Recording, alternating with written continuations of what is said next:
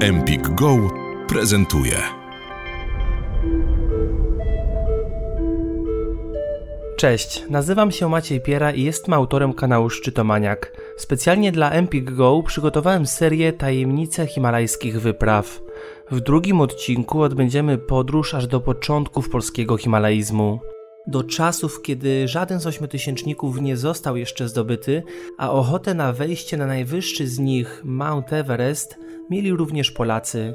Często za pierwsze polskie eksploracje gór najwyższych uważa się wyprawy powojenne. W Karakorum na Kunjang-Chish w 1971 roku pod kierownictwem Andrzeja Zawady oraz ekspedycję, która ruszyła w Himalaje, zdobywając jako pierwsza siedmiotysięcznik Kangbahen i była ona pod przewodnictwem Piotra Moteckiego.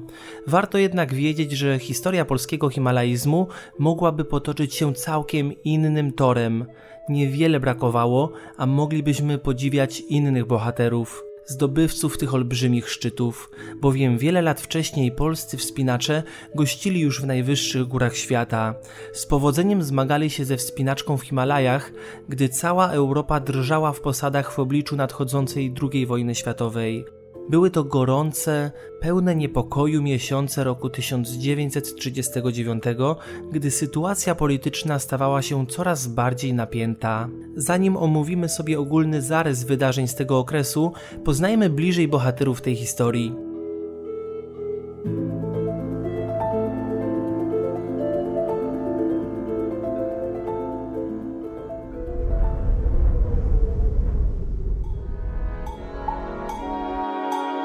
1922 roku swoją przygodę ze wspinaniem w Tatrach rozpoczął Adam Karpiński, noszący pseudonim Akar.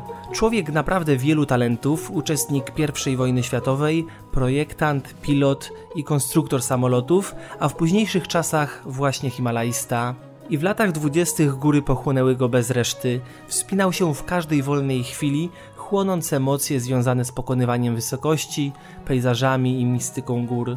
Nie dziwi więc, że został zapalonym prekursorem organizowania biwaków wysoko w Tatrach.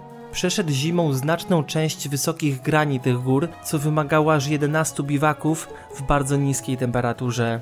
W 1924 roku z wielką uwagą śledził on relacje z brytyjskiej batalii George'a Malorego na stoku Mount Everestu, a gdy nadeszły tragiczne wieści o śmierci dwójki atakującej szczyt i chwilę później o niepowodzeniu całej ekspedycji, w wyobraźni Karpińskiego narodził się śmiały plan zorganizowania narodowej wyprawy na ten najwyższy szczyt świata. Środowisko taternickie nie do końca traktowało jego plany poważnie i tak naprawdę pokpiwało sobie z niego drwiąco. Jednak po niedługim czasie Adam zaskoczył wszystkich, zebrał grupę odpowiednich ludzi i znalazł sponsorów chętnych wspomóc jego przedsięwzięcie. A gdy całość nabierała już kształtów, nadszedł potężny cios. Okazało się, że Wielka Brytania, posiadająca ówcześnie kolonie na terenach obecnych Indii i Pakistanu i od której no, w dużej mierze zależało pozwolenie na wyprawę w Himalaje, nie wyraziła zgody na plan Karpińskiego.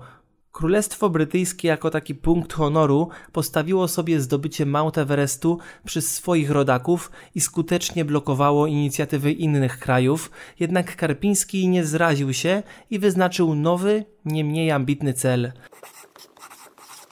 namawiam na K2. Góra olbrzymia, obronna, więc tym większa chwała dla narodu, który na niej walczy. Nawet po osiągnięciu Everestu będzie pierwsze wejście na K2 zaliczone do wielkich czynów. Namawiam z całym rozmysłem. Wiem, że Polacy mogą robić wielkie rzeczy, tylko musi przed nimi stać wielki cel, powiedział Krapiński.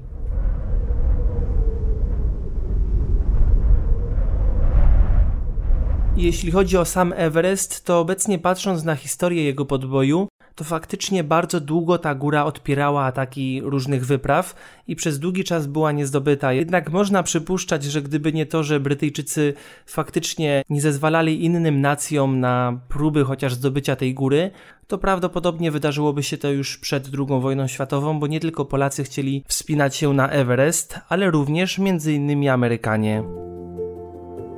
W 1936 roku pod przewodnictwem Karpińskiego powstał Komitet Himalajski Klubu Wysokogórskiego. Skład uzupełniali inni entuzjaści wypraw w Himalaje, inżynierowie Jakub Bujak i Stefan Bernadzikiewicz. Wspólnie opracowali długofalowy szczegółowy plan, jego celem było odpowiednie logistyczne i wytrzymałościowe przygotowanie do wspinaczki na K2. Plan zawierał trening w Alpach i na Kaukazie, a także wyprawę rekonesansową na lodowiec Baltoro, który znajduje się u podnóża K2. Ostatnim etapem tych przygotowań miała być ekspedycja w Himalaje Garchwalu i to właśnie ten region stał się areną zmagań Polaków w 1939 roku. Pozwolenie na K2 zamiast Polaków otrzymali Amerykanie i za swój pierwszy cel karpiński Bujak i Bernadzikiewicz wybrali dziewiczy szczyt Nanda Devi East o wysokości 7434 metrów, położony właśnie w Himalajach Garchwalu, czyli zachodniej części tego łańcucha górskiego. Był on niższym wierzchołkiem góry Nanda Devi, która ma wysokość 7816 metrów, zdobytej już przez wyprawę brytyjsko-amerykańską w 1936 roku. Zadanie postawione sobie przez Polaków było jednak naprawdę bardzo ambitne. W ówczesnych latach żaden człowiek nie stanął jeszcze na ośmiotysięczniku, a wyższych gór od Nanda Devi East było zdobytych zaledwie pięć. I tak naprawdę mało która z nich była trudniejsza od Nanda Devi East.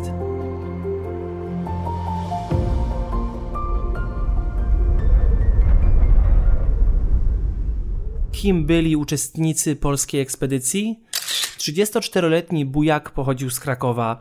Kochał podróżować, a poza wspinaczką uwielbiał też narciarstwo i z powodzeniem łączył oba te sporty. Brał udział w wyjazdach wspinaczkowych w Alpy, a latem 1935 roku był członkiem wyprawy wysokogórskiej w góry Kaukazu, gdzie wspinał się z wybitnymi polskimi taternikami, takimi jak Bolesław Chwaściński, a także Wiktor Ostrowski. Podczas tej ekspedycji zdobył szczyt Szcharę wraz ze Stefanem Bernadzikiewiczem, przyszłym partnerem podczas himalajskiej wyprawy. W połowie lat 30. przeprowadził się do Warszawy, więc wszystkie urlopy wykorzystywał na podróż na południe i wspinaczkę w Tatrach. 32-letni Stefan Bernadzikiewicz był trzecim uczestnikiem ekspedycji. Był uznanym taternikiem pokonującym wiele trudnych dróg, sam zresztą wyznaczył kilka nowych. Jego partnerami byli czołowi wspinacze okresu międzywojennego, tacy jak Wiesław Stanisławski, Wawrzyniec Żuławski, Henryk Mogilnicki czy Bolesław Chwaściński. W 1935 roku brał udział w wyprawie alpinistyczno-naukowej w Kaukaz, gdzie zdobył szczyty 4 i 5 tysięczne wraz m.in. z Jakubem Bujakiem. Wielką pasją Bernadziekiewicza było także polarnictwo i trzykrotnie brał udział w wyprawach na Spitsbergen, a także był członkiem ekspedycji naukowej na Grenlandię w 1937 roku. Do tej trójki dołączył najmłodszy i najmniej doświadczony 29-letni Janusz Klarner, Sportowiec znany bardziej jako narciarz, gdyż samą wspinaczką zainteresował się dopiero w 1937 roku, nigdy nie wspinał się poza obszarem kraju, a i w Tatrach uważany był za nowicjusza. Także jego udział w tej ekspedycji był trochę zaskakujący i właśnie o tym, że on znalazł się w tej wyprawie, przesądziły względy finansowe. Czesław Klarner, ojciec Janusza, był senatorem i przedsiębiorcą i dzięki jego wsparciu 10 tysięcy złotych udało się ostatecznie dopiąć całość finansów wyprawy. Trzeba tutaj zaznaczyć, że pomoc Klarnera stanowiła aż 1 trzecią całego budżetu, reszta pochodziła z dotacji państwowych, wkładu innych uczestników oraz y, budżetu klubu wysokogórskiego. Większość sprzętu zaprojektował i wykonał sam Akar Karpiński, natomiast resztę wyposażenia zakupiono i sprowadzono z Austrii. 23 kwietnia 1939 roku Polacy wyruszają najpierw pociągiem do Genui, a następnie promem do Bombaju.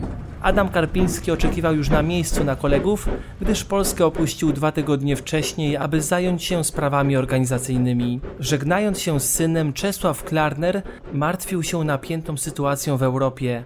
Wspominał Januszowi o groźbie konfliktu wiszącej nad Polską i był wręcz zły na chłopaka, że ten w takiej sytuacji opuszcza kraj. Wówczas syn uroczyście obiecał, że na wypadek wojny niezwłocznie wróci do ojczyzny, aby bronić jej granic. Wysłuchałeś fragmentu odcinka podcastu Empik Go.